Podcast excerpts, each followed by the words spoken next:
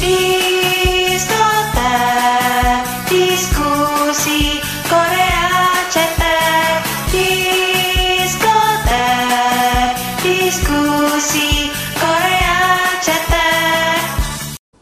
Sesuai judul, hari ini gue mau nge-review drama yang lagi hot banget diperbincangkan yaitu The Glory.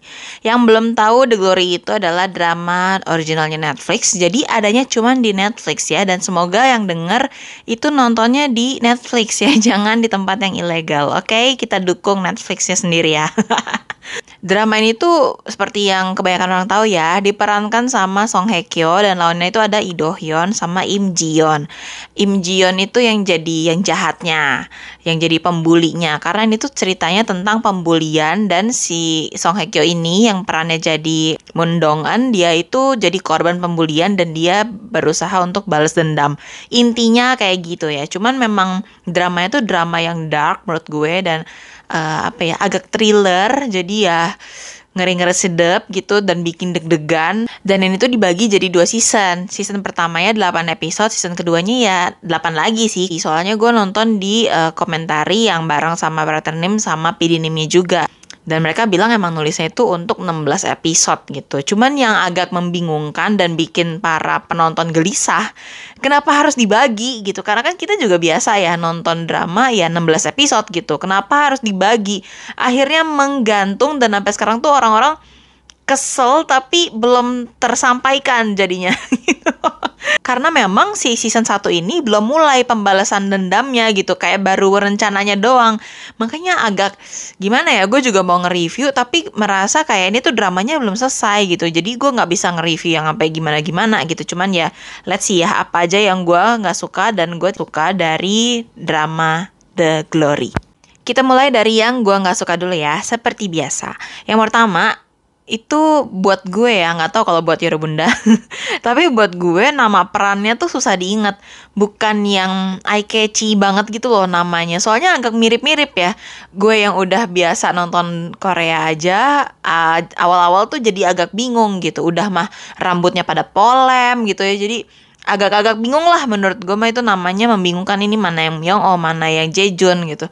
Ini Doyong Sahadei gitu. Jadi agak-agak membingungkan karena mirip-mirip ya kayaknya sampai episode 2 gue masih kayak bentar-bentar bentar ini yang Myung Oh yang mana? Terus satunya siapa? Ini Doyong apa Jejun yang mana nih? Soalnya agak bolak-balik bolak-balik juga sih ini. Jadi ya buat gue yang biasa nonton drama cetek ini lumayan bingung buat nama perannya. Terus yang gue nggak suka lagi, uh, sebenarnya menurut gue ini mungkin karena dibagi dua season ya, jadi agak slow gitu. Memang gue baca banyak yang bilang ini drama bagus banget, ini the best drama of my life. Ini sat-sat banget karena cuma 8 episode dan satu episodenya juga nggak nyampe sejam. Tapi buat gue sih ini agak dragging ya. Apalagi kayak di episode 3 dan keempat itu gue juga tidur bangun tidur bangun tidur bangun. Kayak gue tuh kepotong-potong terus gitu sampai kayak aduh ini lumayan agak dragging sih sebenarnya. Cuman ya mungkin karena memang aslinya 16 episode gitu ya jadi ya memang biasa tuh opening agak-agak slow gitu. Dan karena emang backgroundnya juga ya kebanyakan malam gitu ya gelap-gelapan ya jadi gue gampang bobo. Terus yang gue nggak suka lagi ya itu kenapa harus dibagi dua season gitu ya karena ngegantung banget itu cuma sampai episode 8 dan baru sampai kayak ngumpulin sekutu gitu. Jadi yang belum sampai gong bener-bener balas dendamnya gitu. Kayak baru nakut-nakutin baru ngancem-ngancem. Jadi ya apa ya kita yang kebawa kesel sama pembulian ini tuh belum sampai kayak mampus lo gitu. Ngerti kan? Kayak belum eh gitu. Jadinya apa ya ngegantungnya parah gitu. Ini ini lebih ngegantung daripada drama-drama yang berseason lainnya sih.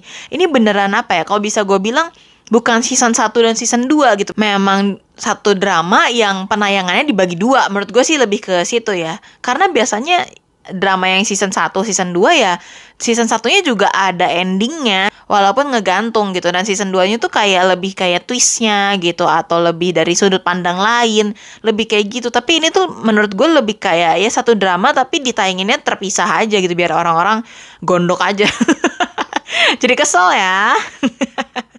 Sama yang gue kurang suka lagi sebenarnya romansnya kayak penting gak penting gitu memang dengan adanya adegan romance jadinya tuh drama ini nggak terlalu dark banget gitu. Cuman ya jadi kayak ada bunga di antara lumpur gitu. Ngerti kan? Kayak ya tenggelam juga gitu endingnya.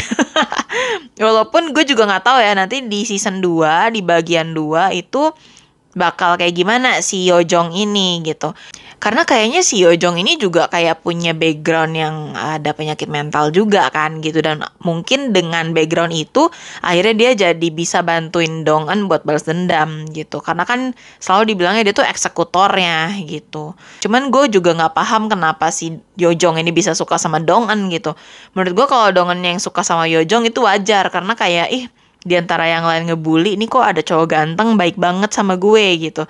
Tapi kalau buat Yojong suka mendongen gue masih kayak hmm, kayaknya gue belum nemu simkung poinnya aja sih. Kayak nggak ada titik di mana kayak oh ih cewek ini kok gitu. Agak gimana gitu kayak cuman dari fisik doang cantik. Ya iyalah ya Song Hye Kyo.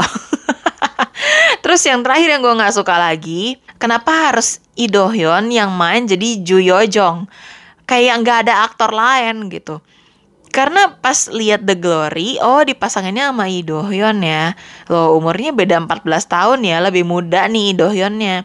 Terus diperankannya itu jadi senior gitu, jadi Son Benim. Itu gue kayak ini terlalu lebay deh menurut gue ya.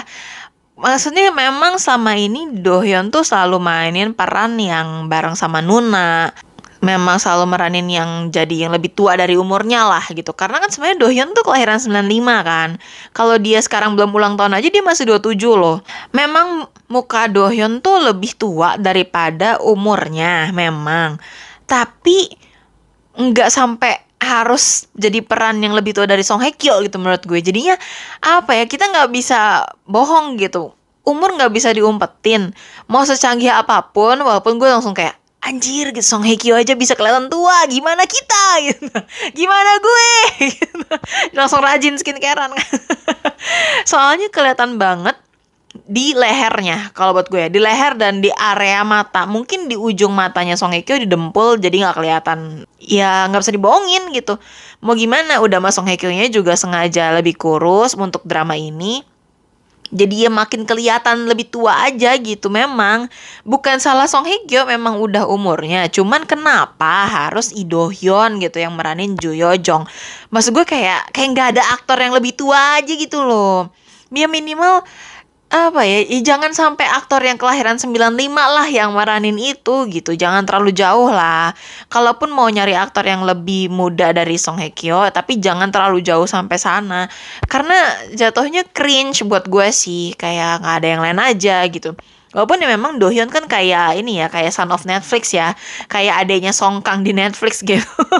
memang Netflix tuh apa-apa Dohyun mulu gitu. Cuman minimal kalau menurut gue mending kalau ceritanya seangkatan atau memang ceritanya Dohyun tuh lebih muda gitu. Ya lebih muda tapi lebih jago main baduk kan nggak ada salahnya juga kan. Mungkin aja kan gitu. Cuman ini jatuhnya agak kayak hmm kenapa harus ceritanya jadi Son Benim ya gitu. Padahal kenyataan hidupnya bedanya 14 tahun. Aduh agak agak gimana sih? Cuman ya Dohyun ganteng banget di situ ya udah lah ya. Terus berikutnya yang gue suka nih ya, yang gue suka ini actingnya semuanya bagus-bagus, top notch, bener-bener ini kalau ada penghargaan dari Netflix sih mereka harus dapat sih. Parah banget, ini para pembulinya tuh ada lima orang, itu lima-limanya juga harus dapat penghargaan, mukanya jahat banget semuanya. Bahkan itu yang meranin Sarah, yang ceritanya makan narkoba juga itu bener-bener dapat banget. Kayak jadi jangkisnya gitu terus jadi yang bener-bener apa pucatnya juga dapat banget ekspresinya dapat banget semuanya dapat banget. Oh ya gue belum ngomong di depan. Ini tuh sebenarnya The Glory itu bener-bener 18 plus ya. Beneran 18 plus. Karena biasanya kan kalau yang lain tuh tulisannya 18 plus cuman gara-gara bajunya mini lah segala macam ya. Tapi kalau ini tuh bener-bener nggak boleh anak kecil nonton. Karena selain ada adegan seks ada urusan drugs kata-katanya juga semuanya kasar Terus yang rokok ya rokok banyak sih sebenarnya kalau di film ya, tapi kalau di drama kan nggak banyak yang nunjukin rokok gitu. Terus ya kekerasannya bener-bener nih kekerasan verbal dan kekerasan fisik semuanya ada di sini. Jadi menurut gue ini beneran anak kecil tuh nggak boleh nonton, anak yang masih sekolah tuh nggak boleh nonton.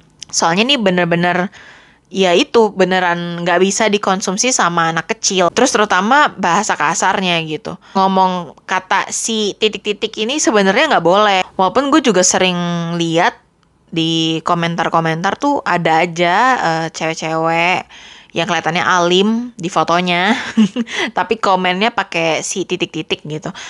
Yang sebenarnya ya mungkin dia merasa lebih tidak bersalah karena dia mengumpat pakai bahasa Korea gitu. Perasaannya aja sebenarnya, tapi ya tetap aja itu mah kata kasar gitu. Menurut gue tetap aja nggak pantas untuk kita ucapkan walaupun itu di bahasa lain walaupun mungkin orang lain nggak ngerti itu artinya apa gitu. Tetap aja gitu nggak bagus. Baik lagi ke review dramanya. Ini dari ngomongin ini ya dari ngomongin acting sampai ke mana-mana nih Soalnya aktingnya super amat sangat bagus. Acting penyiksaannya luar biasa real banget, sampai merinding sendiri. Itu kalau gue lihat Dongen ya, dia nggak jadi bunuh diri aja udah salut sih gue. Dan memang drama gebrakan baru gitu. Biasanya kan orang dibully, tapi akhirnya dibalasnya dengan kebaikan. Tapi kan itu kan cuma di sinetron Lala Bidadari ya. kalau di sini di The Glory enggak. Kayak oh lu bully gue sekarang gue saatnya balas dendam gitu. Gue udah tinggal di neraka gara-gara lo gue akan bikin neraka juga buat lo gitu. Dan tuh gue salut banget sama Kim Eun Suk penulisnya. Dan bener sih sesuai komentari para pemainnya juga gitu. Pas Dong Eun senyum tuh malah lebih serem lagi gitu. Lebih creepy lagi karena dia setiap adegannya selalu yang sedih murung nggak punya ekspresi yang bete sama hidupnya yang benci sama ya para pembulinya. Jadi pas dia senyum tuh kayak yang oh my god dia udah agak-agak gila nih gitu loh. Dan dalam artian kayak wah dia bakal berbuat hal gila gitu loh. Jadi memang sekeren itu si aktingnya. Dan itu juga banyak yang akhirnya muji Song Hye Kyo ya. Song Hye Kyo kan selalu dibilangnya aman-aman dramanya selalu gitu-gitu aja. Selalu ceritanya jadi cewek cantik kaya sukses tapi kesepian. Yang selalu yang kayak gitu-gitu yang standar gitu ya. Dan Song Hye Kyo sendiri juga terima komentar itu gitu. Dia juga sampai kayak oh berarti gue harus berusaha lebih keras lagi ya. Selama ini gue ngapain aja gitu. Dia sampai ngomong gitu juga kan. Ya sebenarnya nggak enak tapi ya memang kenyataannya ini baru pertama kalinya Song Hye Kyo mainin drama yang sedark ini gitu. Terus yang gue suka lagi ini tuh muka masa kecilnya sama dewasanya tuh mirip banget. Biasanya kan agak maksa ya karena kayak oh ya udah lah aktor cilik adanya ini doang. Dimirip-miripin lah sama dewasanya gitu. Tapi kalau di sini tuh bener-bener mirip banget masa kecil dan dewasanya gitu jadi ya pas dibarengin kayak wow iya juga ya mirip banget gitu. Dan Song Hye Kyo sama Jisoo yang meranin dongan kecil juga kalau di drama mah kayak nggak terlalu kerasa gitu ya. Tapi pas dibarengin di foto kayak oh ya juga ya. Udah gitu kan Jisoo juga orangnya uh, badannya juga nggak tinggi kan sama kayak Song Hye Kyo gitu. Jadi ya kerasa banget kerasa banget. Luar biasa sih itu casting directornya harus dapat award Terus ini juga menurut gue thrillernya dapat banget. Adegan dibulinya luar biasa yang sampai dikasih catokan ke kulit itu kayak oh my god. Gue aja karena gue jarang nge-styling rambut ya jadi gue jujur nggak terlalu terbiasa tuh pakai catokan keriting yang kayak gitu. Itu catokan keriting tuh hmm nyes banget. Kalau kena di ujung jari aja udah uh, luar biasa gitu. Apalagi ini harus tempelin ke badan. Hmm gila sih gue gue ngeliatnya sampai ih gils ya kalian semua. Ih gila gila gila. Serem banget sih.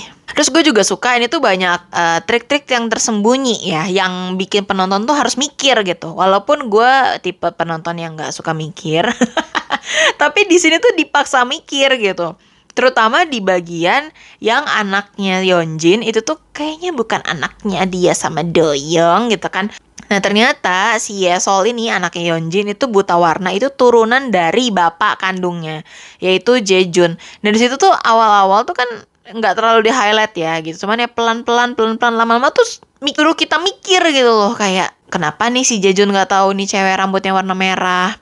Kenapa nih? Si Jejun nggak tahu itu warna sepatunya warna apa? Kenapa Yesol nggak bisa ngewarnain warna bunga? Itulah kayak suruh nebak sendiri gitu. Mereka nggak beneran ngasih tahu kenapa kenapa ya tapi mikirlah sendiri gitu. Jadi gue yang nggak suka mikir jadi mikir. Gitu. Awal-awal gue kayak hmm, apa jangan-jangan Yeonjinnya juga buta warna ya habis dia pernah pakai baju nggak matching gitu sepatunya ya tetap aja sepatu warna hijau gitu terus yang sekarang jadi masih bikin penasaran ya siapa yang ngebunuh Myung karena Yeonjin sama Hyejong sama-sama punya sepatu hijau itu. Jadi ya, siapakah yang membunuh Myung Saksikan di part 2. Kalau kata gue sih mendingan ngomongnya part 2 ya, bukan season 2. Terus yang terakhir yang bikin gue suka dan merinding karena ini ternyata based on true story. Tapi ya orang-orang bilangnya true story-nya itu tentang pembuliannya ya. Tapi masalah balas dendamnya gue nggak tahu. Mungkin ini imajinasinya penulis. Cuman kalau sampai kejadian pembulian itu adalah kejadian nyata gitu. Menurut gue sih, aduh parah banget gak sih? Kayak setan apa yang ada dalam pikiran lu gitu sampai bisa nyiksa orang kayak gitu. Apalagi disiksanya juga diawalinya cuman karena emang dia pengen berkuasa aja gitu. Dia pengen nyuruh si dongan ini gantiin dia bersihin WC buat piket. Dan dongan yang gak mau akhirnya langsung disiksa terus. Menurut gue nggak make sense gitu. Alasan kayak gitu doang. Terus lu langsung benci banget sama orang itu. Dan sebenci-bencinya lu sampai harus tampar sampai disundut pakai catokan gitu. Sampai harus segitunya kah gitu. Sampai datang ke rumahnya segala macam gitu. Menurut gue enggak lah gitu. Gue nggak tahu ya di Indonesia tuh ada pembulian yang sampai begitu kah gue nggak tahu. Semoga sih nggak ada. Dan semoga sebenarnya pembulian secara verbal juga yang nggak perlu ada sih. Buat apa ya kan? Itu para pembuli itu emang hidupnya bakal tenang kah ke depannya? Terus tidurnya nyenyak kah? Terus nanti kalau mereka punya anak nggak takut karma kah gitu. Kayak waktu Yeonjin bilang pengen jadi ibu yang baik aja Dongen kayak yakin pengen jadi ibu yang baik. Dia aja kelakuannya selama sekolah aja nggak baik gitu. Gimana dia bisa jadi ibu yang baik gitu aja sih. Dan terakhir satu lagi. Terakhir terakhir terakhirnya beneran terakhir. Walaupun romansnya agak dipaksakan dimasukin tapi gue suka banget skrip waktu Yojongnya bilang sama Dongan kalau dia mau jadi eksekutor atau kalau di subtitle bahasa Indonesia-nya tulisnya jadi algojonya Dongan ya. Terus di situ dia bilang nggak apa-apa ke sini aja sesekali. Eh, nggak uh, usah ketemu juga nggak apa-apa. Kita komunikasinya lewat baduk.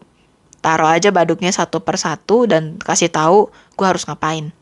Di situ aja gue udah merasa cukup untuk kita berkomunikasi. Itu gue kayak oh tersentuh banget kayak yang apa ya istilahnya dia tahu nih cewek tuh bukan saatnya untuk bermesra-mesraan gitu. Ini cewek tuh terluka hidupnya jadi dia cuma pengen bantu nggak ketemu nggak apa-apa tapi kayak cukup lah dengan berinteraksi dari baduk aja dia udah seneng kayak tulus banget gak sih? Dan gue lumayan berbangga hati ya waktu si Yojong yang ngasih tahu password rumahnya itu gue lumayan berbangga hati karena gue juga jadi kepikiran kenapa random banget ya angkanya 3724 apa 3742 itulah ya kayak apa ya itu ya maksudnya eh habis itu pas gue nggak lama sudah mikir itu tiba-tiba ya terjawab lah ternyata itu nomor tahanan si yang membunuh bapaknya Yojong gitu kan. gue lumayan bangga hati aja kayak biasanya kan gue nggak terlalu peduli tuh sama detail-detail kayak gitu kayak ah nanti juga terjawab gitu. Tapi gue pas itu lumayan kayak kok nomornya random ya? Gitu. Apa nih? Tumben banget ya gue. Apa lama-lama gue lumayan berbakat nonton drama-drama misteri kayak gini? Dan sekarang akhirnya jadinya kayak aduh cepetan dong bulan Maret cepetan. Please gue pengen tahu nih aksi balas dendamnya kayak gimana. Gue pengen lihat si para pembuli itu tuh mati kutu gitu loh ke dongan dan kalau gue jadi dongan juga ya mereka cuma sujud doang tuh buat gue juga nggak cukup kayak gue beneran pengen lihat mereka menderitanya tuh sampai gimana gitu loh. Nah semoga di part 2-nya bisa memuaskan kita yang nonton dan semoga happy ending. Dan menurut gue sih walaupun happy endingnya nggak dalam romance ya maksudnya nggak harus yang mereka sampai jadian atau nikah gitu. Tapi happy endingnya tuh sampai minimal dongennya tuh merasa puas gitu loh kayak dendamnya terbalaskan gitu loh. Jangan sampai jangan sampai awas aja ya Netflix kalau endingnya